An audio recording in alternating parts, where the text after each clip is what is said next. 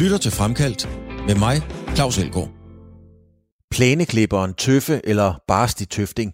Med 41 landskampe, kontrakter i flere lande og en flot karriere i dansk fodbold, er Stig Tøfting en af de mest markante og kontroversielle skikkelser på grøntsværen i de seneste mange år. Stig Tøftings opvækst var hjerteskærende. Han har selv fortalt, at hans far dræbte moren og derefter sig selv. Dagen efter tog Stig Tøfting til fodboldstævne og blev i øvrigt kåret til stævnets bedste spiller. Jeg prøver at forstå, hvordan Stig Tøfting er kommet videre i livet efter den tragiske oplevelse.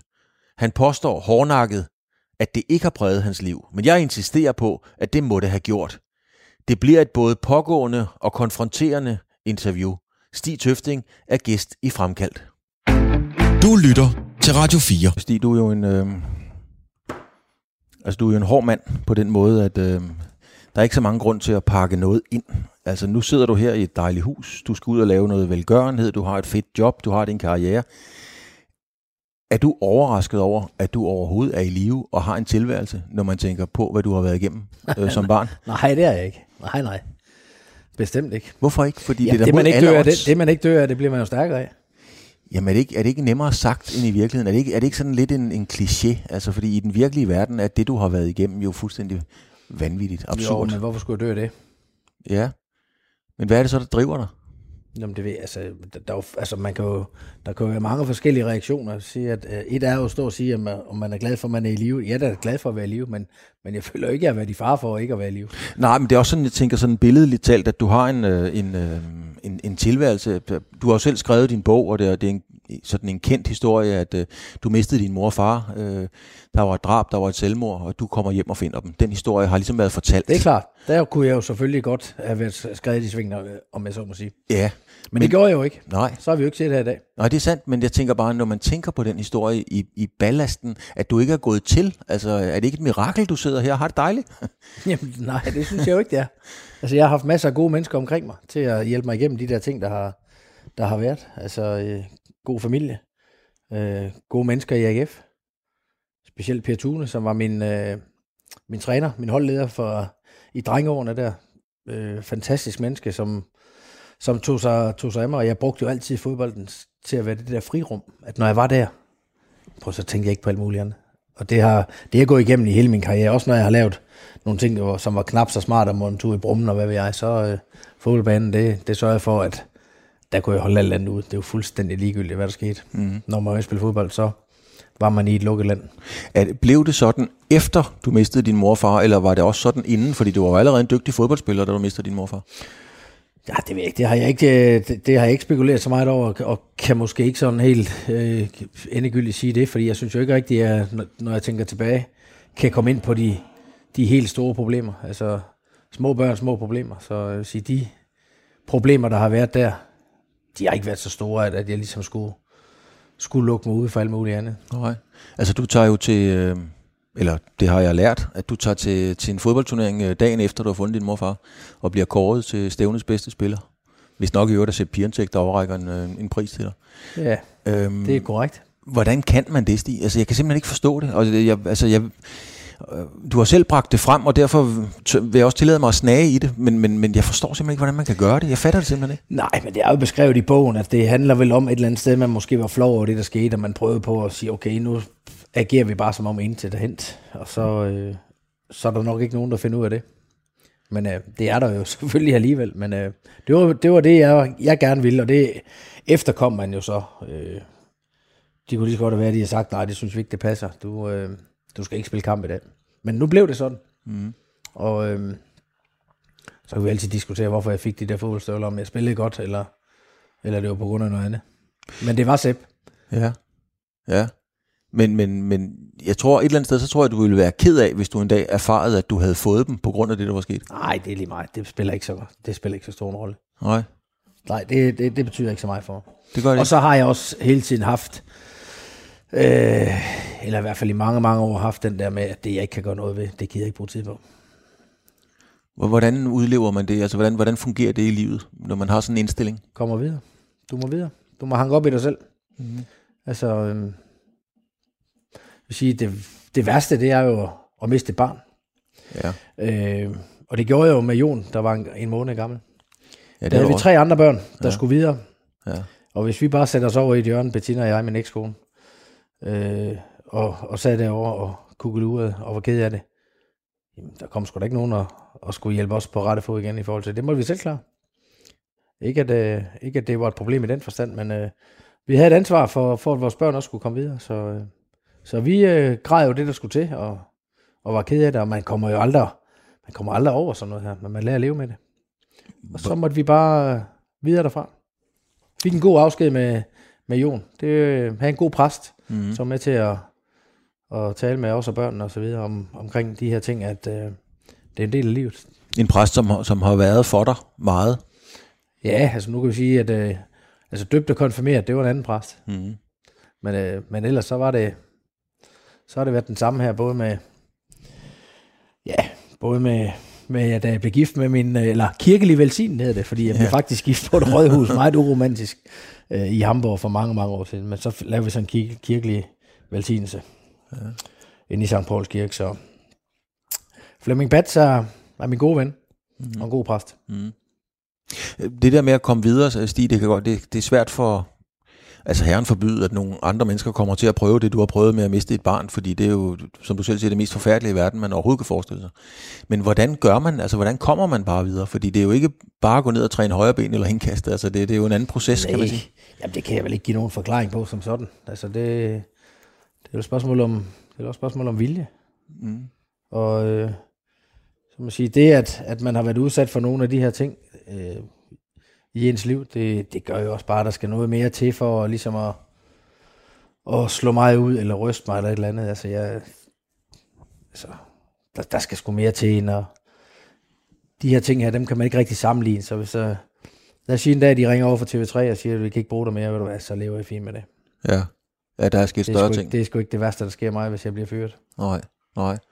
Men, men du skriver så i din bog uh, No Regrets, som er sådan en meget hård titel. Uh, til sammenligning så skriver jeg ikke Rasmussen en, der hedder Undskyld.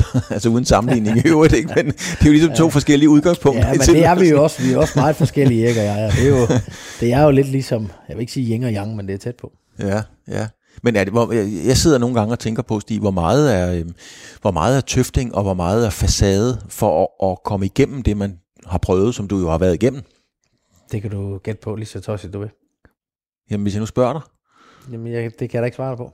Ja, det kan jeg da godt svare på. Der er da ikke noget, der er facade. Jeg stiller da ikke noget op for at lave en facade. Men det kan, det kan jo være lige meget, hvad jeg siger. Hvor, hvorfor? Ja, fordi det er det, du føler. Ja, Det er jo det, du skal gå ud fra.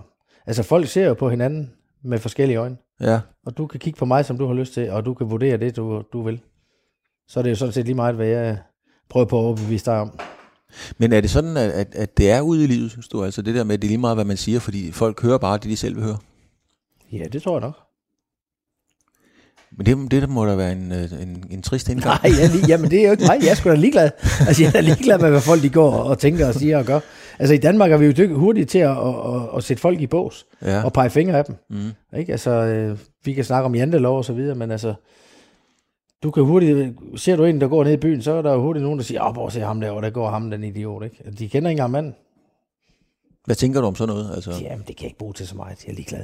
Ja. Jeg er ligeglad, Claus. Det må, altså, de må gøre, folk må, må tænke og, og gøre lige nøjagtigt, hvad de har lyst til. Mm. Det bestemmer jeg jo ikke. Jeg ved i hvert fald bare, de mennesker, der kender mig, som er tæt på mig, eller som har stiftet bekendtskab med mig, jeg tror sgu ikke, der er ret mange, der rundt og- siger, at det er en idiot. Jeg har i hvert fald ikke hørt nogen, vil jeg så lige sige. Så har du også hakket dem ind, ikke? jo, altså... Nej, men altså, det er jo bare sådan, det er. Altså, øh, jeg skiller jo også vandene. Så Ja. det, det, skal, det skal man også øh, holde for, ikke? Altså, jeg har lavet nogle ting, som, som måske ikke øh, altid har været lige smart. Øh, no Regrets, det hedder bogen, det har jeg tatoveret hen over maven. Mm. Og det har jeg, det har jeg jo, fordi at, at, at det er jo det, jeg holder fast i. Altså, jeg fortryder ikke noget af de her ting. Det kan da godt være, at der er noget, der har været smartere ikke at gøre, men det er en del af mig. Mm. Og når man laver et eller andet, som ikke er så godt, så må man jo tage den straf, det giver. Men der må for fanden være et eller andet sted i dit liv, som du har fortrudt. Altså et eller andet, det har vi jo altså, alle sammen. Der må sgu da være noget, vi har, du har fortrudt. Nej. Nej. Hvorfor? Hvad får du ud af at fortryde? Det er så en anden snak. Det har du fuldstændig ret i. Godt, så Det- hvorfor, hvorfor så gå rundt og belemre dig selv med det? Mhm. Sige, prøv på næste gang, hvis du står i samme situation. Så ikke lave den samme fejl. Men, men er det fordi, det, det er det, man skal lære af det. ser du det som en svaghed, hvis man fortryder? Øhm, Nej, men du får ikke noget ud af det. Du nej, kan da godt sige undskyld uden at fortryde. Altså man kan, man kan måske få, ikke at jeg siger, at du har brug for det, men man kan måske få ro i sjælen, eller man kan få ryddet op i nogle ting, eller få klargjort nogle ting, hvis man fortryder Jamen, det. det er jo det, du vælger at sige, hvis du øh, har behov for det, og hvis det hjælper dig. Mm. Hvis du beder om syndsforladelse, Mm. at du så mener, at du, så er alting godt igen. Så skal du gøre det. Nu, nu kan seeren ikke uh, se det, Stig. Vi sidder ved et, uh, vi sidder ved et køkkenbord et sted i, i Aarhus, og uh, du har en uh, træningsdragt på. Uh, dine tatoveringer er jo kendte og så videre. Men jeg kan også se, at når du kigger på mig, når vi snakker om det her, altså det er meget, meget få mennesker, uh, som kan kigge med det blik, som du har. Nu smiler du, og det er et helt andet ansigtsudtryk, men det skifter jo sådan, altså. Jamen, Nå. du, du spørger mig om nogle ting, som er alvorlige. Så kan ja. jeg vel ikke sidde og... og altså, så kan jeg jo ikke sidde som en, en jubelidiot. Altså, jeg hører jo også tit, hvis folk de har set mig komme gående ned igennem strøget, mm. jamen, du går rundt og ser ud, som om du er sur. Jamen, prøv, jeg er ikke en lallende. jeg er ikke en lallende glad, render rundt, går ned ad strøget og, og, og, smiler og griner. Altså, når jeg er på vej ned ad strøget, Ja. så er det fordi, jeg er på vej ned til et eller andet. Ja. Så går jeg i mine egne tanker og er på vej ned til, til det, jeg nu engang skal, om jeg skal købe et eller andet, eller jeg skal mm. til tandlæge. Jeg har faktisk en tandlæge, der ligger på Clemensbro, så, så går jeg ned for det. Så går jeg ikke rundt som sådan en eller anden jubelidiot, der går rundt og griner hele tiden. Nej. Men, Altså- den, men den hårdhed, det jeg leder efter, Stig, det er den hårdhed, som, som du jo har. Du er en hård mand, du er et hårdt menneske. Du har levet et hårdt liv. Du er et hårdt menneske per definition. Det tillader jeg mig at sige. Og når du har det der blik, er det noget, man, øh, om ikke lærer sig, men er det noget, man bare får, når man har været det igennem, du har? Jamen, det ved jeg ikke. Du har nogle fantastiske spørgsmål. Jeg ved det ikke, Claus. Jeg ved det ikke. Det er jo ikke noget, jeg, jeg sidder jo ikke, jeg går ikke ud på toilettet, og så sidder jeg og kigger ind i spejlet og siger, åh, oh, der har vi den. Nej, du øver dig Når ikke jeg på nu det. bliver spurgt om det her, så sætter jeg lige det her blik på. Altså, jeg er jo ikke skuespiller. Nej. Altså, når du nu kommer her til mig, Mm. så ved jeg jo heller ikke, hvad vi skal tale om. Nej, du vil ikke vide det faktisk. Nej. Nej. Fordi jeg skal, ikke for, jeg skal ikke kunne forberede et eller andet svar. Det skal komme spontant. Mm. Du stiller mig et spørgsmål, jeg svarer dig. Men, men det sjove er, at det går også den anden vej, Stig, fordi at, øh, jeg, jeg plejer, jeg har selvfølgelig nogle ganske, ganske få spørgsmål, men, men øh, det er faktisk det interview af alle, jeg har forberedt mig mindst til, fordi jeg er simpelthen nysgerrig på at vide, om det, hvor meget der er facade, og hvor meget der er tøfting. jeg kan sgu ikke finde ud af det. Nej, nej, men det finder du heller ikke ud af på 50 minutter, hvis det er det, du har Nej, øh, sat dig for øje. Det kan du jo ikke. nej. Du kan jo prøve at snakke med Heidi, min kæreste. Mm. Så kan du snakke med hende og høre hende, hvad hun siger. Ja, Det kan være, hun har nogle helt andre billeder til dig. ja. Men er der langt ind til dig? Altså, du lukker, lukker du nogen ind, ud over din kæreste og så videre? Er der nogen, der får lov at komme ind til Prøv tøffen? at høre, min, de kammerater, jeg havde, da jeg var 17, 18, 19, 20 år, dem har jeg jo øh, stadigvæk i dag. Ja, De fleste af dem. ja. Er, er Uanset hvordan og hvorledes, hvordan det på kryds og tværs er gået hinanden, mm, og hvad man har lavet, mm. så, øh, så er det de samme. Så er der kommet nogen til. Der er faldet nogen fra. Det gør der jo alle. Sådan er det i livet. Det gør jo alle steder i, i livet i forhold til det. Ja. Men, men dem, som, øh, dem, som jeg er venner med, fordi der er jo forskel på at være venner og bekendte. Ikke? ja. Hvad er forskellen? For dig? Og, jamen, det er vel, at man, man bekendte har man vel ikke lukket ind på samme måde, som man har ens venner lukket ind for. Nej. Altså, de fleste mennesker kender du til dørmåtten, så kender du ikke mere, vel? Nej. Og sådan er det jo med dine venner. Der, kan, der er du måske med inde i entréen, og måske med helt inde i, jeg vil ikke sige soveværelse, men i stuen. I stuen, ja. ja. Men, men øh, altså, jeg, jeg har bare svært ved at se, det tror jeg da, du gør, Stig. Altså, du sagde jo selv meget ærligt, det bliver jeg overrasket over, da du fortalte om, om barnet, og du sagde, vi, vi græd det, vi skulle, og sådan nogle ting. Men jeg kan da ligge herinde. Nu kan du se, du ser jo lige en vinkel, så du kan se mine to fjernsyn. Ja, det er rigtigt. ja. Jeg kan da sagtens se en film, som lige kræver en tår. Er det rigtigt? Ja, det er da sindssygt, selvfølgelig kan det det. Nej. Jo da, det, det gør jeg da nemt. Hvad er det for en film? Ja, det ved jeg ikke. Det kan jeg da ikke svare dig på, for det kan jeg da ikke huske, men, øh, men der kan da godt komme ind, hvor der lige er et plot i den film, som gør et eller andet, at man lige kniver en tår. Jeg gjorde det også med Carsten Værge, da der blev sagt farvel til Carsten Værge. Ja, ja. Ja. To gange på samme aften sad vi kraftedeme og tude, Heidi og jeg.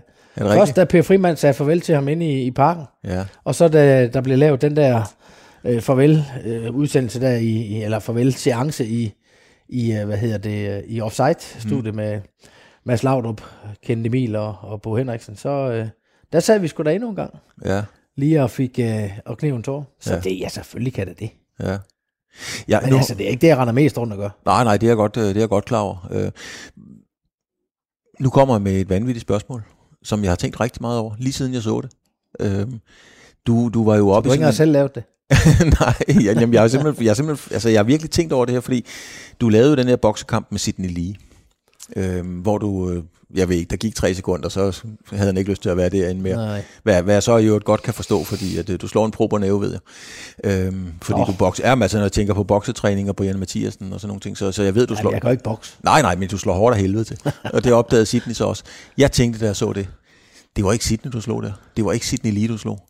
Det var, jeg så det som, det var omgivelserne, det var, øh, det var hele det der polerede borgerskab, alt den der fake glamour-verden og sådan nogle ting. Sådan så jeg det. Nej, men det er, der tager du helt fejl. Jamen, det glæder mig.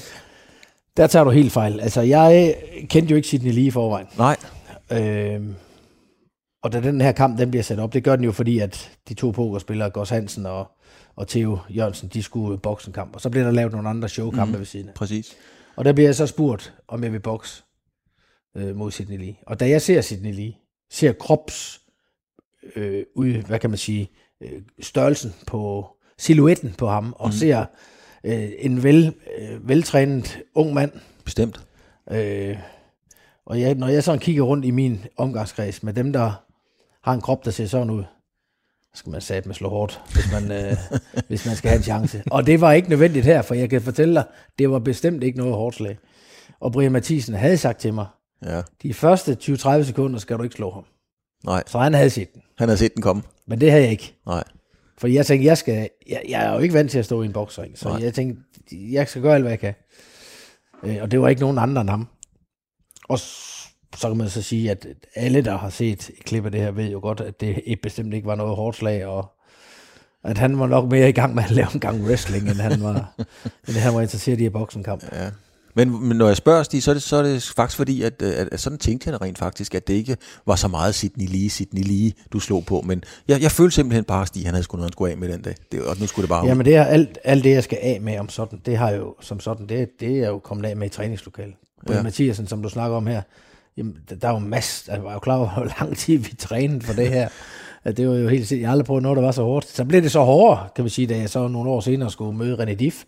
For der, der, øh, det var sådan en forkamp til Brian Nielsen og, og Holyfield. Ja. Og øh, der var Holyfield, der fik han en øjenskade. Så de to måneders træning blev lige pludselig til fire måneders træning. Ja. Med kun fri om søndagen. Og det resulterede i et år efter, jeg havde bokset den kamp, der lavede jeg ingenting i sport overhovedet. At jeg var gået iskold. Jeg har aldrig prøvet noget, der var så hårdt. Og jeg, det hang mig ud af halsen. Alt fysisk aktivitet, det hang mig ud af halsen efter, mm. efter det der. Men hvordan ellers, Stig, fordi øh, og nogen tager på fisketure, og nogen hopper i trampolin og gør forskellige ting, når man skal af med et eller andet. Og, og, med alt det, du har oplevet, altså, øh, altså, og det var meget af det har jo været tragisk, det må man bare sige. Hvor- Hvordan, fanden, hvordan kom du af med det? Jo, du spillede fodbold, det har du sagt, men, men ellers? Jamen altså nu, nu synes du mig, at det har været tragisk. Jeg synes, at der har været masser af ting, der har været gode. Jamen, det vender vi tilbage til, fordi der er rigtig mange gode ting, men at miste sine forældre på den måde, at miste ja. et barn osv., det er sgu tragisk. Det er det. Det kan vi ikke komme udenom. Men øh, det er jeg jo ikke herovre. Nej. Og igen, det som jeg ikke rigtig kan gøre noget ved, det skal, der ikke, det skal ikke fylde så meget. Det bruger jeg ikke tid på. Hvordan er der at tale om det? Er det irriterende, at jeg sidder og spørger ind til det? Nej, det, altså, historien er jo ikke... Øh, jeg tror mere, det er irriterende for, øh, for min familie. Ja, Og måske ikke bare min, min egen familie, altså med mine børn og det, men måske også nogen længere ude i min familie. Min, mm. min mors søskende og sådan noget. Jeg tror, de vil være godt trætte af at høre på det. ja, de vil gerne have låg på det. Ja, men altså det... De behøver ikke at tale om det, og de behøver heller ikke høre det her. Nej. Men jeg tror mere, det er sådan noget, den du, end, end mig, fordi prøv at- altså, historien bliver jo ikke anderledes, ved at den bliver for tit. Nu bliver der også lavet et uh, teaterstykke over bogen. Ja, præcis. Der kommer det vi også til at berøre det. Det kan vi jo ikke undgå. Nej. Så det er jo sådan, det er. Det er jo en del af det. Mm. Så øh, som, som med, med så mange andre ting, så bliver tingene ikke anderledes af, at man, man prøver at tige det ihjel. Hvor- Hvordan har du det så, Stig, med, øh, fordi du giver jo klart udtryk for det der med, gjort og gjort, man kan ikke lave det om, man må videre. Og det er jo en ædel og på en eller anden måde en, en, en hård, men smuk øh, indstilling til livet. Man må hellere se fremad, end at kigge i bagspejlet. Øh, Men hvordan har du det så med, med alle de der sådan gå så en kølingbørn, og dem, der har problemer over, så, så er elastikken for bred i bukserne, og så kan de ikke spille fodbold. Altså alle de der ting. Hvad, hvad, tænker du? Ja, jeg er jo ikke den bedste til sådan nogle ting. Nej.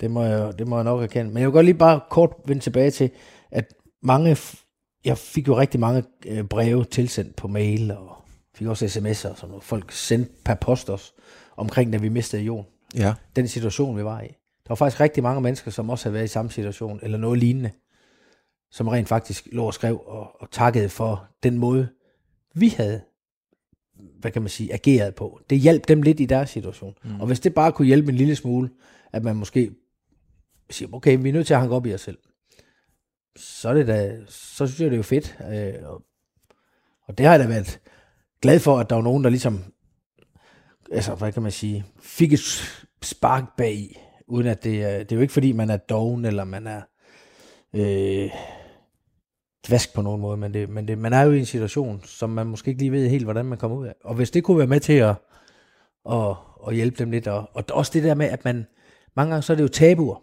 altså man taler jo ikke om sådan nogle ting, der er sket. Nej. Og det tror jeg kan hjælpe rigtig mange mennesker, som har været i sådan nogle situationer, at man rent faktisk får talt om det. Mm. Og hvem det så er, man taler med, det, det, kan, være, det kan være lige meget. Altså, fordi du kan tale med en psykolog om det, du kan også tale med nogle venner om det, du- bekendte, hvad ved jeg, eller, eller gør som, som vi gør her, sidde og tale om det øh, åbenlyst. Så vil sige, for mig var bogen også jo en form for terapi, Ja. fordi et er, at man ved, hvad der er sket, man kan tale om det, men når man ser det på skrift, Mm. så bliver det meget mere effektfuldt. Så, så da Lars Sten sendte mig kapitlerne, der boede jeg i Sverige på det tidspunkt, op til mig, hvor jeg skulle gennemlæse dem og sådan noget, sad på Liseberg og Tivoli, mens Maria og Mia, de røg rundt på rutsjebanerne. Ja. De fik bare det ene tur kort efter det andet. Ikke? Så, så, så, så sad jeg jo der og, og, og kunne se, at det, det var jo at det var faktisk en form for terapi for mig, og også for mig selv i forhold til det der. Ja, når du siger Lars Sten, det, må, det er Lars Sten Petersen. Ja. I øvrigt min tidligere kollega på, øh, på TV2, øhm, som, som, øh, som jo var med til at skrive, og skrive bogen, kan man sige. Men da du, når du siger det der stil med at fortælle om det, er der nogen, der kan bruge det til noget, var det noget, du skulle øve dig på? Fordi nu, det har du også givet udtryk for, det er ikke noget, du er, så, du er ikke så meget for at tale om de der ting, men nu skal du lige pludselig tale med nogle andre mennesker om det. Skulle du overvinde dig selv for ligesom at komme i dialog, eller, eller tage tilløb til at, at tale med nogle mennesker om det? Nej, men altså, for mig var det, jo, var det jo bogen. Altså, det er ikke, fordi jeg har været rundt og tale med så mange. Jeg, jeg øh, øh, skulle hen og tale med en psykolog, dengang jeg mistede mine forældre. Det, det havde jeg ikke lyst til. Fordi der var jeg altså 13 år, og tale med en anden mand, jeg ikke kendte om mine forældre. Det havde jeg ikke lyst til. Nej. Jeg var der to eller tre gange, og så ville jeg ikke det mere. Så, så det har ikke været med, det har ikke været med, en- med en psykolog, jeg har talt med. Og vi, vi, vi brugte heller ikke nogen, da, da, vi, da vi mistede Jon. Så vi talte med hinanden, og selv vores præst og så videre. Ja. Familien. Men nu skal du ud og gå, og du har jo lavet det her projekt, hvor du går rundt, og hvor, uden at skal referere til dine private samtaler, så lige inden vi gik i gang, havde du en samtale, og jeg kan forstå, at du skulle, du, du skulle gå med, med et barn, som, øh, som er kommet ud af en alvorlig diagnose. Og, og det ligger der meget på sinde, at der må ikke være noget presse, det må ikke tage opmærksomheden fra. Hvor, hvorfor ligger det der så meget på sinde, lige i sådan en situation? Altså, der må som gerne være presse, men, men der, det er ikke pressen, der kommer til at få, øh, hvad kan man sige, fortrinsret her. Og man kan sige, nu siger du diagnose, det er jo ikke bare en diagnose, det er jo, der er jo nogen, der, altså, der er jo blandt andet et, et par børn her, som den ene har haft en, en hjernetumor, og den anden har haft en, en levertumor osv., mm, mm. men er blevet det, man kalder færdigbehandlet. Ja, Øh, og det er jo heldigvis nogle år tilbage, men, men dem skal jeg jo gå med, øh, og snakke lidt med dem, og høre, hvordan det går. Øh, og der, når jeg gør det, så, skal der jo ikke, så er der jo ikke andre, der kan få noget taletid. Altså det, det er jo logik for burhøns. Det, det er de børn her, der, ja. der skal med og gå. Og det er to børn indtil videre her fra Børnecancerfonden, og så kommer der jo nogle børn også fra, fra KidsAid. Og det er jo, enten er det nogle børn, der har været ramt af noget, noget kraft, eller, eller andre alvorlige sygdomme. Mm. Og så prøver vi på, jeg prøver på at samle en helvedes masse penge ind på den tur, jeg nu skal gå her fra mandag den 22. til, til den 27. Mm. men, men Stig, hvorfor er det logik for burhøns? Altså det, jeg, jeg ved, du må Hvorfor, ikke skulle, hvorfor, skulle vi få dem ud af, hvorfor skulle vi have dem ud at gå, hvis ikke jeg havde tid til dem? Mm, Det giver jo ingen mening. nej, Så det er jo sådan set bare ud fra sund logik og fornuft. ja, at hvis jeg kalder dig herned, eller du er blevet... Jeg kaldte dig herned, vi skulle have gjort det, det her på Aarhus Stadion, det er ikke? sandt. Men altså, hvis vi skulle have lavet en, en podcast, og, og, øh, og jeg så har 10 andre ting, jeg laver samtidig med, ja. Det synes du da heller ikke er sjovt, ikke? Nej, nej, men man kunne sige, at mange ville måske falde for fristelsen, desværre, til at ligesom at blive eksponeret og blive set sammen med, og det er velgørenhed, og det er godt, og det, det, den Jo, udnytter men du altså, der er jo ingen tvivl om, at, at de lægger det jo op på deres, øh, deres side, hjemmeside, altså organisation. Børnecancerfonden, KidsAid, lægger jo tingene op. Ja, Det, det gør de da selvfølgelig. Altså, og, men, men det jeg siger, det er, det er jo ikke sådan, at hvis du kom den dag, jeg skulle gå med enten pigen eller drengen her, som, Mhm. Jeg, jeg ved jo heller ikke med hensyn til, hvordan de har det i forhold til pressen og sådan noget. De ved jo godt selvfølgelig, at det her det er, det bliver omtalt. Men det kan jo godt være, at, at de måske ikke synes, det er så fedt, at der er så mange mennesker. Derfor har jeg bare frabedt mig, at der kommer alt for meget. Der må gerne være nogen, der står og filmer ja. og sådan ting. Men jeg har ikke tid til at, at gå fra børnene og så gå over og tale med en eller anden. Det gør jeg ikke. Men, men det er sjovt, Stig, fordi at, øh, jeg sidder egentlig og forærer dig en, det er jo en gave til dig. Det er jo, det er jo, det er jo fuld respekt, altså, fordi jeg siger, at mange ville udnytte situationen til at eksponere sig selv. Så du, hvorfor, du tager ikke bare imod og siger... Altså... Nej, jeg udnytter situationen for at skaffe nogle penge ja. til de her, øh, de her to organisationer den her gang. Mm-hmm. Så øh, det er det, jeg udnytter. Ja. Prøv på at udnytte. Ja. Prøv på at udnytte dit svage hjerte til at sige, Claus, inden du går, så får du lige mobile pay nummeret, ikke? Ja. Hvad var, da du selv var, var, var barn, knægt og sådan nogle ting. Når du tænker tilbage, jeg prøver lige igen, øhm, savnede du nogen at tale med, eller, eller ville du gerne have haft nogen dengang, som du har talt noget mere med, eller, eller hvordan tænker du egentlig på det? Nej, det er, jeg har ikke nogen... Øh, jeg har ikke nogen ønsker om, eller om at lave et eller andet om igen, i forhold til det. Nej.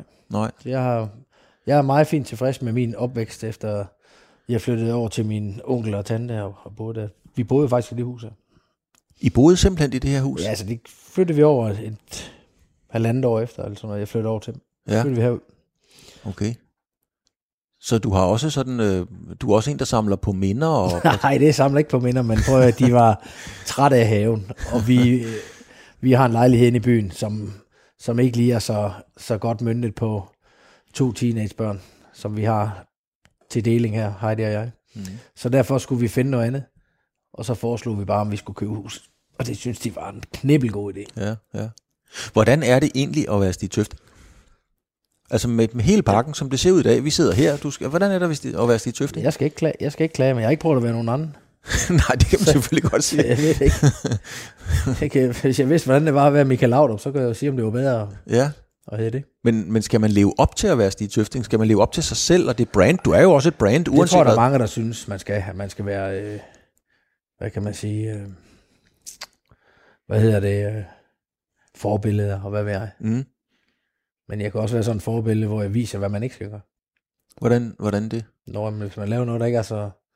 Altså, komme en tur i brummen, ikke? der skal jeg jo vise, sådan skal du ikke gøre. Ja. Så kan jeg jo være et forbillede den var rundt.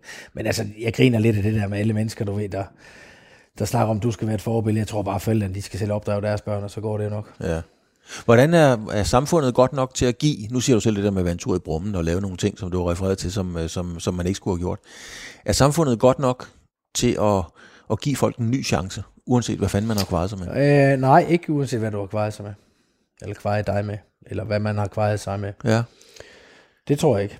Det kommer ind på, hvad det er for noget. Det hvad, tror jeg, der, der kan være forskel. Hvad tænker du på? Øh? Og vi kan vel godt blive enige om pædofili, det, øh, det, det tror jeg er et no-go, uanset hvordan der vil læse. Altså, der, der, tror jeg ikke, at vi kan komme tilbage. Nej.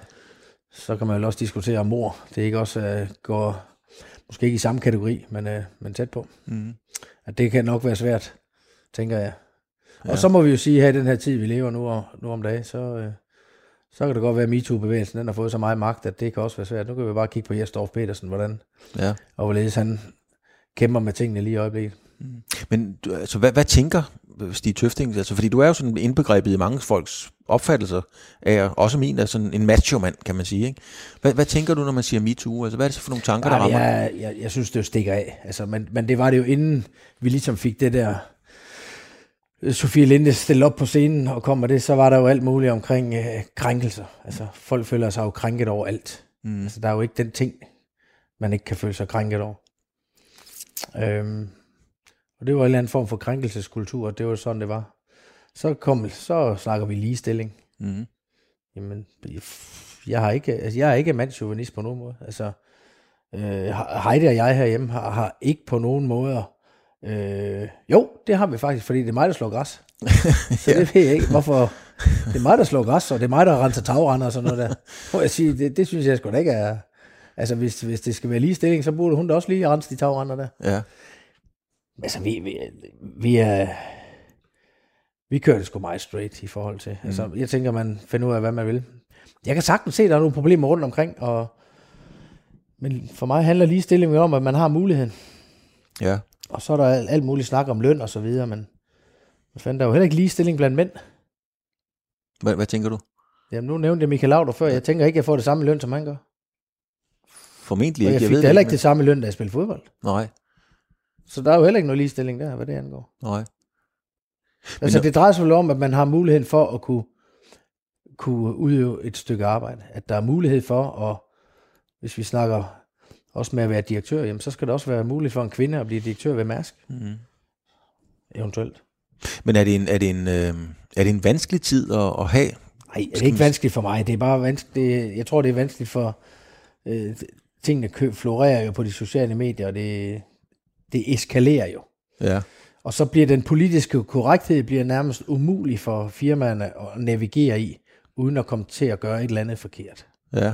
Men jeg tænker, når man har det livssyn, som du har, øhm, altså som er sådan meget, nu har vi snakket om det der med at komme frem, at komme videre og sådan, og sådan lidt, lidt i kasser på en eller anden måde. Er, er, er det i virkeligheden en, en vanskelig tid at, at have sådan en, en tilgang til tilværelsen? Nej, det, det synes jeg ikke. Altså, fordi det er ikke noget, der sådan berører mig i hverdagen. Altså, jeg synes, øh, jeg synes, jeg har respekt for de mennesker, jeg arbejder sammen med, dem jeg omgås. Mm. Så, så der er ikke noget i den forstand. Øhm, men jeg kan godt forstå, at der er nogen, der, der tænker sig ikke om en ekstra gang. Mm.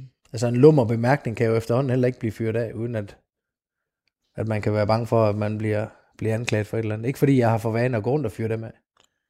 Nej, nej, det har jeg jo heller aldrig hørt. Nej, men det, men det er bare det, jeg siger. Det er jo, så, det er jo sådan, det er. Altså, Mm. som kan, et eller andet, som kan fyres af i sjov, bliver jo i den her verden, vi er i nu, lige betragtet på en anderledes måde. Jeg synes da bestemt ikke om, at der... Altså, jeg har altid været efter dem, der, der mobbede folk. Ja, Det har jeg altid været efter. Jeg har altid gået med i... Altså, når, det, når der var i hierarkierne i, i klubberne, jeg har altid kæmpet imod nogle af dem der, der var derovre, fordi jeg synes, det var sjovt. gjorde du også sådan i skolen? Ja, Var du en stærk dreng i klassen? Mm, ja, det var jeg nok. Ja. Men- men alligevel det var, tog du de men, det svage var, side. men det var ikke den svageste, jeg ville slås med. Nej. Nej, det var, der var ingen udfordring i det, kan man sige. Men, men altså, Det, jeg, har aldrig, jeg har aldrig været sådan en, der mobbet. Vi Nej. har drillet, vi har selvfølgelig drillet, men Ja, ja, det klart. der med at mobbe og sådan noget, det er aldrig nogensinde. Og jeg bliver sindssyg, øh, når jeg, når jeg hører de der ting, altså med, med, med, med børn, der bliver mobbet. Altså. Lige omkring alt det her MeToo og ligestilling og alle de her ting, så, var der noget artikel, ikke, hvor der var en 11 jeg tror det var en 11-årig dreng, der hængte sig hen i skolen, ja, fordi han blev mobbet. Ikke? Ja. Sådan noget der. Det stikker bare ud på mig. Det er der, vi har problemerne. ja. Så vil jeg skide på alt det andet. De der tøser, som nu en gang imellem er blevet krænket, eller hvad vi er, med rette er blevet krænket, Mm. de må også lære sig fra. ja. Uanset hvordan det læse. Det der med at blive krænket, Stig, øh, øh, bliver du, kan du selv føle dig krænket? Altså, det, der er jo, selvfølgelig ved du det, der er nogen, der siger, om Stig, han er tøffe, øh, plæneklipper, han er bare sådan en voldsmand. Ja. Der kan du da også trække krænkelseskortet og sige, hvad fanden er det for? Nej, jeg, jeg, gider ikke engang. Men jeg føler mig krænket, når jeg ser fodbold. Ja, Fordi jeg er farveblind. okay.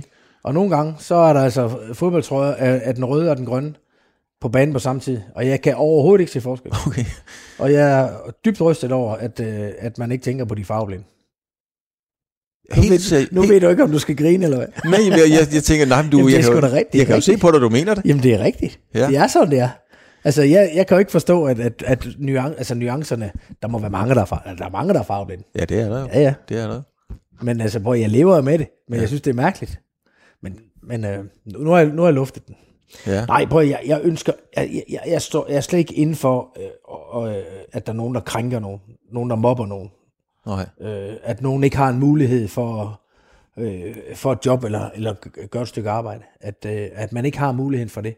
Det er jeg slet ikke, der er jeg slet ikke, men det fylder bare ikke så meget for mig. Og øh, jeg er nok ikke i de kredse, vil jeg sige, hvor jeg, eller er der så meget, altså ja, min arbejdsplads er jo mange gange her, Mm. og så tager jeg på et stadion og kommenterer, og så tager jeg hjem igen. Så jeg er jo nok ikke sådan en af dem, der ligesom kan svare på, hvordan det rent faktisk øh, er ude omkring. Jeg er held, altså racisme er jeg heller ikke øh, jeg er imod racisme. Mm. Jeg er imod alt det her.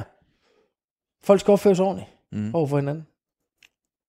Men, men, men jeg, jeg, er bare ikke så, jeg er bare ikke så meget... Altså, jeg ser jo mest øh, nyhederne, altså for eksempel news, ikke? Jeg følger meget med i news. ja. Ikke så jeg følger med, jeg er jo opdateret. Som du kan se, så kører der altid en skærm på, ja. på news, så jeg ligesom er med.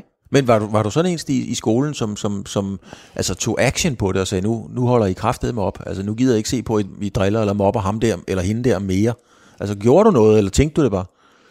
Nej, for jeg var, altså, jeg, vil, sige- jeg tror ikke, jeg sådan stillede mig op for at sige, nu lader jeg være. Jeg tror bare, jeg var sammen med vedkommende. Og så, så gik det lige så stille i sig selv igen. Lad os sige, du er i gang med at mobbe en eller anden. Ja. Og så er der lige pludselig, så er kammeraten, det er så en, som man ikke gider op. Så finder de jo nogle andre om op. Mm. Sådan er det. Kujoner finder jo altid en anden vej. Mm. Hvad, hvad er kujoner i den samme? Altså, hvordan, Jamen, hvad, jeg er da kujoner, hvis man skal mobbe nogen. jamen, hvad er en kujon i din optik? Altså, hvad, hvad, hvad, hvem er, hvem er, Det er der en, der ikke opfører sig ordentligt, som opfører sig nederdrægtigt, Ja, og som ikke behandler andre mennesker ordentligt. dem, Og så dem, når der kommer en, hvor, hvor man så kan sige, okay, så hvorfor, hvorfor så ikke mig? Så, og så man stikker af, eller et eller andet, så er det man da en kujon. ja. Hvorfor skal man lave sig om hele tiden? Altså, jeg, jeg, jeg, prøver, jeg prøver ikke på, jeg laver mig ikke om, altså, øh, om du sidder her, eller en af mine kammerater sidder her, eller der kommer en, som jeg ikke kender, så, så, så, sidder, jeg- så vil jeg opføre mig ikke på en anderledes måde. Det kan da godt være, vi er lidt mere løsslupne, hvis vi, Ja, ja. hvis vi ser i venners lag og får et, et glas rødvin eller et eller andet. Det er Ja. da klart, ikke? Men, men, men nej, jeg, jeg, jeg har ikke sådan en anden øh, facade på, når jeg snakker med den ene og den anden, og piper blandt de fugle, jeg, jeg er sammen med. Overhovedet ikke. Er du sådan en meget enten eller mandst i, i forhold til, om ham eller hende gider du, eller ham eller hende gider bare ikke? Ja, det tror jeg godt, man kan mærke. Ja. Hvordan, hvordan, hvordan er det sådan? Når, Nå, men man kan vel godt mærke, om der er en interesse eller ikke er. Ja. Ikke at, jeg, ikke, ikke at jeg går rundt og fortæller det hele tiden, altså, men det behøver man jo heller ikke. behøver ikke at fortælle alle mennesker, om man vil eller man ikke vil. Har, har, har du nogensinde... Øh, har du nogensinde været ensom? Nej. Jeg har faktisk ikke været ensom, heller ikke selvom jeg boede i udlandet alene. Så har jeg nyt mit selskab. Ja. Ja. Mit eget selskab. Ja. Jeg har nogle gange tænkt, om jeg at blive sindssyg. det, tror jeg ikke. Nå, fordi det vilde er jo, når man for eksempel, da jeg boede i Tyskland, da jeg boede alene, hvor familien var hjemme. Vi har haft så lidt frem og tilbage, fordi med børnene, og det fungerede ikke rigtigt og sådan nogle ting. Så, men jeg spillede i udlandet og havde så muligheden for at komme hjem i weekenderne. Altså spille om lørdagen i Tyskland, i Hamburg. Og så kunne jeg køre hjem efter kampen, og først skulle være til træning tirsdag morgen. Mm. Det er stort set det samme som mange andre, hvad kan man sige, øh, erhvervsfolk, de gør. Altså det kan være en sælger, der er meget på landevejen, det kan være en pilot, det kan være en la- langturschauffør, hvad ved jeg, som jo er meget væk hjemmefra, måske kun hjemme i weekenderne. Mm. Det er jo en periode, vi skulle, vi skulle igennem. Og vil sige, så når jeg sidder dernede i Tyskland og begyndt, når man sidder derhjemme alene, og sidder og tænker på tysk, Ja. som siger, så, så er man da ved at være der, tænker jeg. Og der tænker jeg ikke engang, okay, hvad sker der her? Jeg tænker ikke engang på dansk mere, fordi man tænker jo sådan inde i sig selv, sige, hvis man sidder her ved computer til, åh, oh, jeg skal også have lidt at spise. Ikke? Man siger det ikke lige frem, men man tænker det jo. Mm. Så går man hen og får lidt at spise. Når den så kommer på tysk, at man begynder at sidde og tænke på tysk, så tænker jeg, okay, er den ved at blive gal, eller hvad sker der? Men øh, jeg har overhovedet ikke følt mig ensom, fordi ved du hvad, jeg har haft masser af muligheder. Jeg trænede jo hver dag, var sammen med rigtig mange mennesker, og nød egentlig bare også, at der var den der mm. frihed, der var. Den nyder jeg i dag. Altså, når, nu er, nu er Markus hjemme, ikke? Øh, Men at nu kan de godt få åbent de skoler der, så han kan komme ud herfra. Fordi ja. når de er i skole, og Heidi er på arbejde, prøv at høre, så er det jeg. Så er der ro. Ja, så er der sgu ro. Det er skønt. Men Stig, har du nogensinde... Øh... Nej, lad mig spørge på en anden måde. Er du en god... Øh... Er du en god holdkammerat? Er du en god kollega? Det må du spørge dem om. Ja, men er det noget, du sådan higer efter, eller er du ligeglad, eller... Nej, jeg, altså, jeg tror, jeg er en god kollega, men, men det er ikke noget, jeg, jeg står ikke op om morgenen og siger, nu skal jeg huske at gøre sådan og sådan, for nu skal jeg være en god kollega. Men nej, altså jeg, jeg tror også, mine kollegaer sætter pris på, at, at de ved, hvor de har mig, og at, øh, at jeg siger tingene, hvis, hvis jeg føler, der er et eller andet. Men, Altså jeg kommer med min mening, men jeg accepterer også andres mening. Vi behøver ikke at have en disk- Altså jeg, jeg gider egentlig ikke at diskutere, fordi hvis jeg siger noget til dig, Mhm. og du siger noget andet, og vi ikke er enige, så gider jeg ikke sidde og prøve på at overbevise dig, men du skal heller ikke overbevise mig, fordi jeg har min mening, og jeg accepterer din mening. men hvad fanden snakker I så om en hel aften? Hvorhen? Jamen et eller andet sted. Hvis, hvis, øh, hvis I så stopper alle samtaler jo der, kan man sige. Nej, det gør, man skal ikke diskutere hver gang. Hvad så, når vi er enige? Så, kan vi snakke, så snakker vi jo videre om det. Ja, det er selvfølgelig rigtigt nok. Bayern München spiller godt fodbold. Ja, det gør de, siger du så. Åh, oh, de har Lewandowski. Ja, han scorer mange mål. Ja. Ikke? Så snakker vi jo videre. Ja. Men jeg gider ikke det andet der med, at man skal prøve at overbevise den anden om, jamen kan du ikke se sådan og sådan og sådan, og derfor har jeg ret. Nej, fred være med det. Vi er ikke enige, og det er vi enige om, at vi ikke er enige. Mm. Og så kommer vi videre derfra. Altså, jeg har spurgt dig om det en 3-4 gange nu, Stig, det er ikke, fordi jeg ikke tror på dig, men jeg skal bare forstå det. Altså, jeg skal simpelthen bare forstå det, fordi det er igen det her med, at, at vi må videre, det kan vi ikke bruge lave om på. Vi skal ikke diskutere det, fordi vi bliver alligevel ikke enige og sådan nogle ting. Er Vi det, kan godt diskutere. Vi kan sagtens lave et debatprogram, hvor vi står og diskuterer tingene. ja. Men jeg er ikke derude, at jeg skal stå og overbevise dig om, at du skal have den samme mening som mig. Nej. For du må meget gerne have din egen mening. Ja. Det er bare ikke sikkert, at vi er enige om det. Og det er der ingen grund, altså det behøver vi ikke at stå. Hvis du vil prøve på at overbevise mig, du må gerne, mm. men du får ikke noget af det. Det er bare spild af din og min tid, at du prøver på at overbevise mig om det. Hvad med så noget som, øh, det tænker jeg lige på nu, når du fortæller om det andet. Du, du vil jo gerne være sammen med nogle mennesker, der har noget engagement på et eller andet niveau, øh, er jeg ret sikker på. Det tør jeg godt udlede. Men det der med loyalitet, det virker også, når jeg har hørt dig her de sidste 40 minutters tid, det virker som om, at det der med loyalitet, det er noget, der er vigtigt for dig. Eller er det helt Ja, misforstået? nej, nej, det, er ikke- det er... Altså... Jeg, jeg, altså... Jeg... Noget af det værste, jeg ved, det er da, hvis man er, hvis man er, hvis man er uærlig. Mm. Og løgn, det gider jeg da ikke være en del af. Men er det det samme løgn og illoyalitet? Er det det samme? Nej, det behøver det ikke at være. Hvad, hvad, hvad er forskellen for dig? Nå, men loyalitet, det kan jo i ganske banalt være, at hvis du og jeg er tæt på hinanden, og jeg fortæller dig et eller andet, og du fortæller det videre, Ja, som du måske nok skulle holde for dig selv. ja, Det er jo ikke særlig lojalt. nej. Så har vi balladen. Jeg ved ikke, om jeg har balladen, men, men så ved jeg da i hvert fald, at jeg skal ikke fortælle dig noget mere. Mm. Jeg synes, nej, man betror sig til med et eller andet, ikke? Og, og man så hører det et andet sted fra. Ja, Øh, det er jo bare for at give et eksempel. ja, ja. Det behøver ja. ikke at være sådan, men, men det er jo et eksempel. Men hvis sige. man har den tilgangsstige, så med, med den store berøringsflade, du trods alt har haft, så må man også nogle gange blive, slå, blive skuffet. Ikke? Altså, hvordan reagerer du så, hvis du bliver svigtet på den måde? Fordi det er jo et svigt. Men det kommer også an på, hvad det er. Ikke? Altså, og, og man, kan, man kan jo også godt... Nu snakker vi før om syndsforladelse, og hvad ved jeg. Man kan jo også godt øh, acceptere en undskyldning. Altså, man skal jo ikke være for stor til at acceptere en undskyldning. Det kan du godt. Ja, det kan jeg da også. Ja. Men den skal være... Du skal Jeg være, kan da også godt sige undskyld. Bare spørg Heidi. Ja, Det ved hun da. Men hun kan være så stadig, at, hun, at vi har en kamp om, hvem der først siger undskyld. okay. Og så skal man vælge kampene. Hvor lang tid man vil trække den, Claus. Ikke? ja. Og så er der nogle gange, jeg er nødt til at sige, okay, så tager jeg den sgu. Undskyld. Men så kommer jeg til at tænke på, Stig, øh, trives du i det der spændingsfelt? Altså med hvem der, det, og man kan sige, det er jo bare en lille ting, og jeg ved med dig og Heidi, så hygger jeg, så er det, så er det en del af spændingen, kan man sige.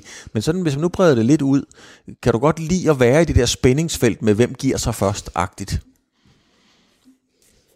Det kan jeg se på det, tror jeg godt. Nej, du, du, du tror, du kan læse det hele.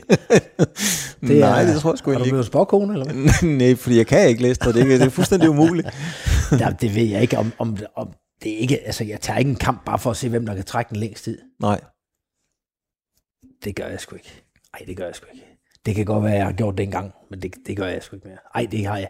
Det gider jeg simpelthen ikke bruge tid på. nej. Jeg gider simpelthen, altså jeg synes, jeg har rigeligt at se til. Så jeg gider ikke at bruge min tid på et eller andet ligegyldigt pjank og pjat i Nej. forhold til det. Det kan godt være, at alle andre synes, det er pjank og pjat, mm. men jeg synes ikke, det er det. Altså, jeg kan godt lære, at jeg laver noget, hvor folk tænker, "Ej, hvad fanden, altså, Men er du blevet rundere med årene ganske enkelt? ja, det, ja tak skal du have, mand. Kan du ikke se det? Jamen, det er, det er jeg da. Det er, det er selvfølgelig, at man er det. Altså, der er der nogle ting, som er, er mere vigtige nu, end, der, end, end de var for 20 år siden. Ja. Jeg ved ikke, om du siger Simpson, men der er sådan en, hvor de siger, what happened to you? You used, you used to be cool.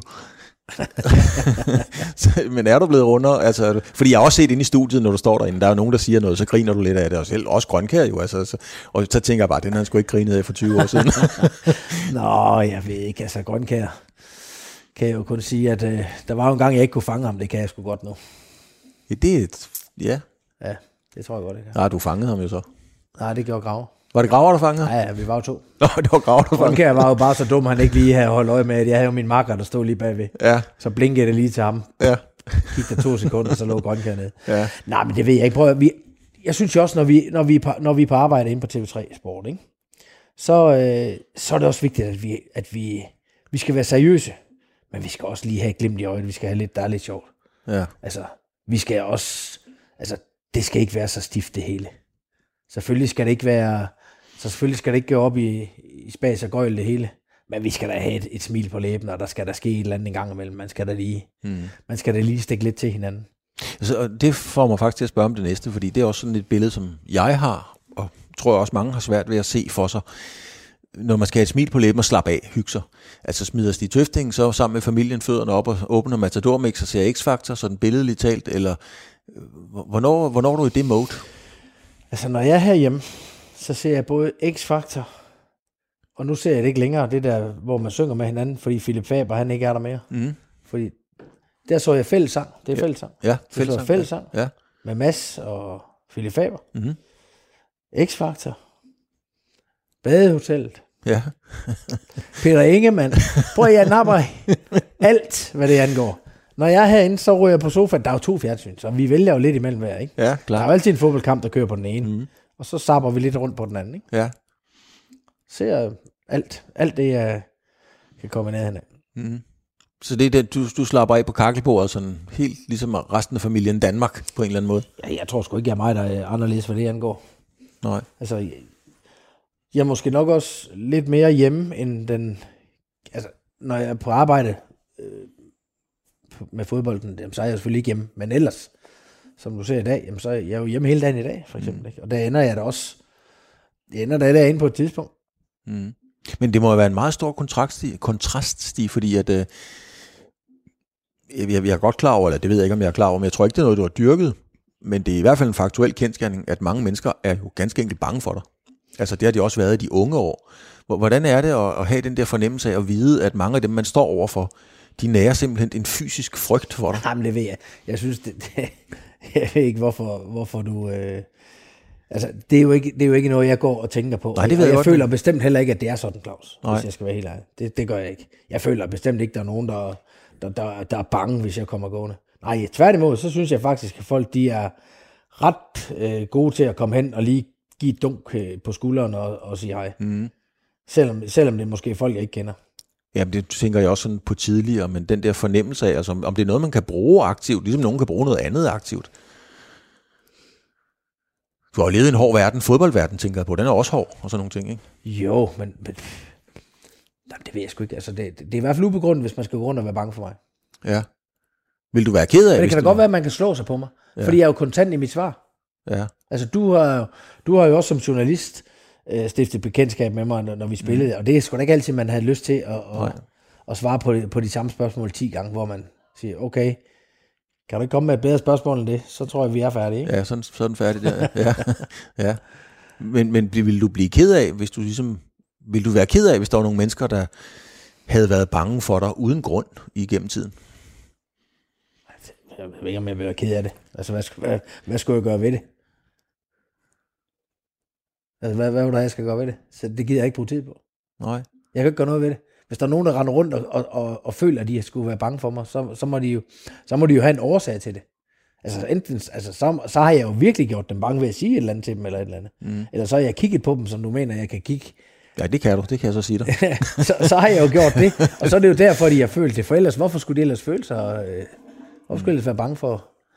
Altså, altså det, er den, det er den helt omvendte verden af. For eksempel, når vi har haft... Da jeg spillede i AGF, der havde vi jo sådan nogle...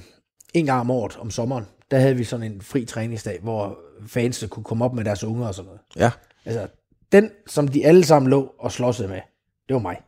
Jeg Ja. lå nederst i bunken med alle børnene. Ja. Så vil sige, så øh, børnene var i hvert fald ikke bange, lad os sige sådan. Nej. Men det kan godt være, at der var nogle, nogle, nogle forældre, der var, eller hvad ved jeg, eller, eller føle sig et eller andet, hvad ved jeg. Dannet sig et eller andet billede af af noget. Men jeg føler ikke, når jeg går hen i Føtex, herhen i Vibe Center, der handler hver dag, så føler jeg ikke, at folk er bange for mig. Nej. Men det kan være, at jeg tager fejl. Jeg skal holde øje med det næste gang. ja, Nej, så spørger jeg dem, er du bange? Er du bare... jeg kan huske en gang, Stig, jeg, jeg, jeg, jeg er ikke sikker på, at du kan huske det, men jeg kan huske det meget, meget tydeligt, fordi det var en, det var en sjov oplevelse. Vi mødtes, øh, du havde lige været i studiet på TV2, og jeg var i gang med noget andet, og så kom du ud, og jeg står med min lille søn, øh, Lasse, og så kigger han øh, på dig, og Lasse var 3-4 år, jeg var 5 år måske, og så siger jeg, kan du ikke se, det er Stig Tøfting? Og så siger han, øh, han kaldte dig altid for Tøfling, og så står han og kigger på dig, og så kigger han på mig, og så siger han, jamen far, findes han i virkeligheden? Så siger han, du kan sgu da se, han står lige foran dig. Ja, ja, men altså findes han i virkeligheden? så på en eller anden måde. Han kunne ikke forstå, altså han, han troede simpelthen, at du var sådan et, et, et, et, et ikon, et eller andet inden for fjernsynet, noget, noget opfundet og sådan nogle ting. Øhm, men sådan tror jeg, du er for mange mennesker. Jeg ved godt, folk ved, du findes, men på en eller anden måde, så er du en plæneklipper, eller du er tøffe, eller du er et eller andet.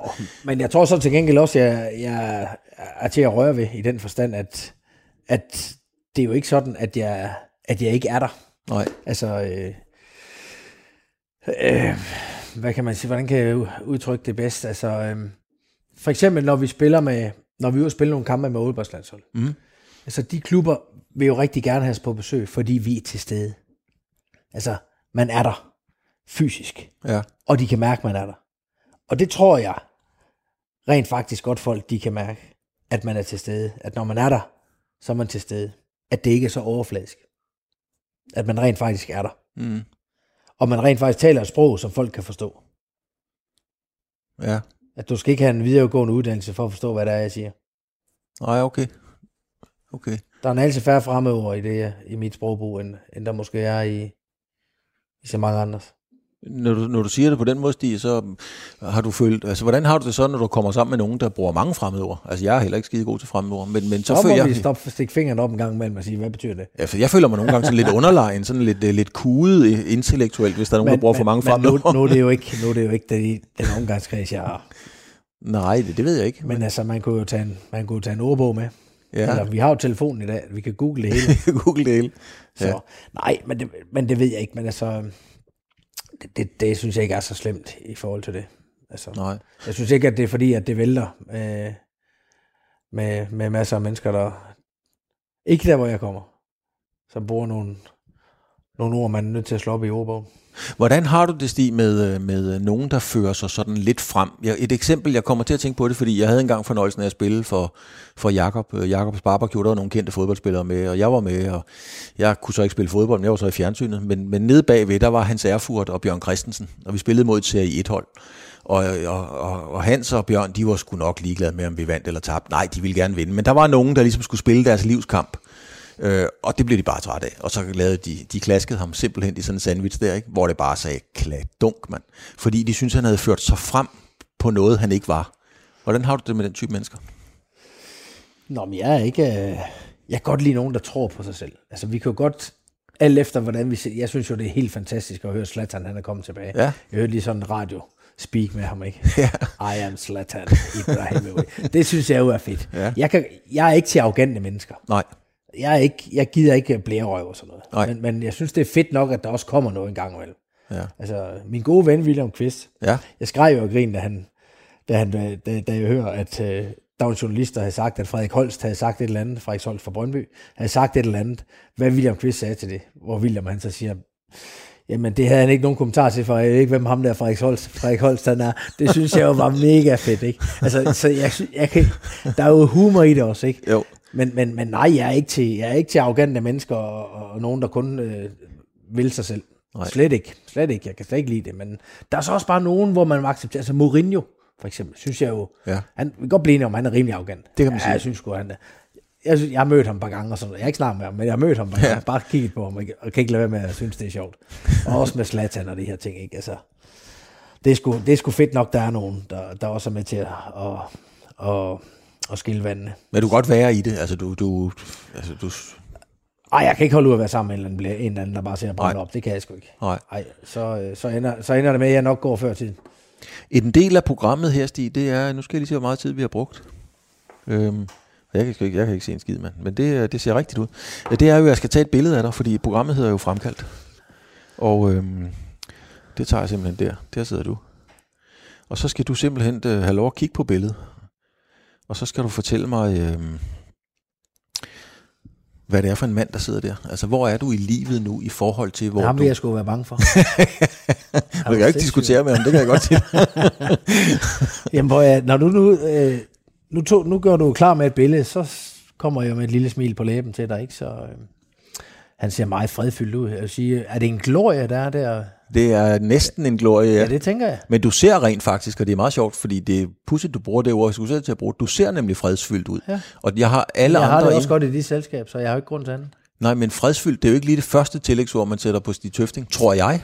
Nej, men det kan da være, at du siger, altså nu, du sætter mig jo i bås i forhold til, hvordan du har kendt mig. Mm. Du har kendt mig i rigtig mange år, Claus, ikke? Vi Jo. kan jo godt blive enige om, at vi, vi, vi er vel over 30 år. Jo. Ikke? Det kan vi godt blive enige om.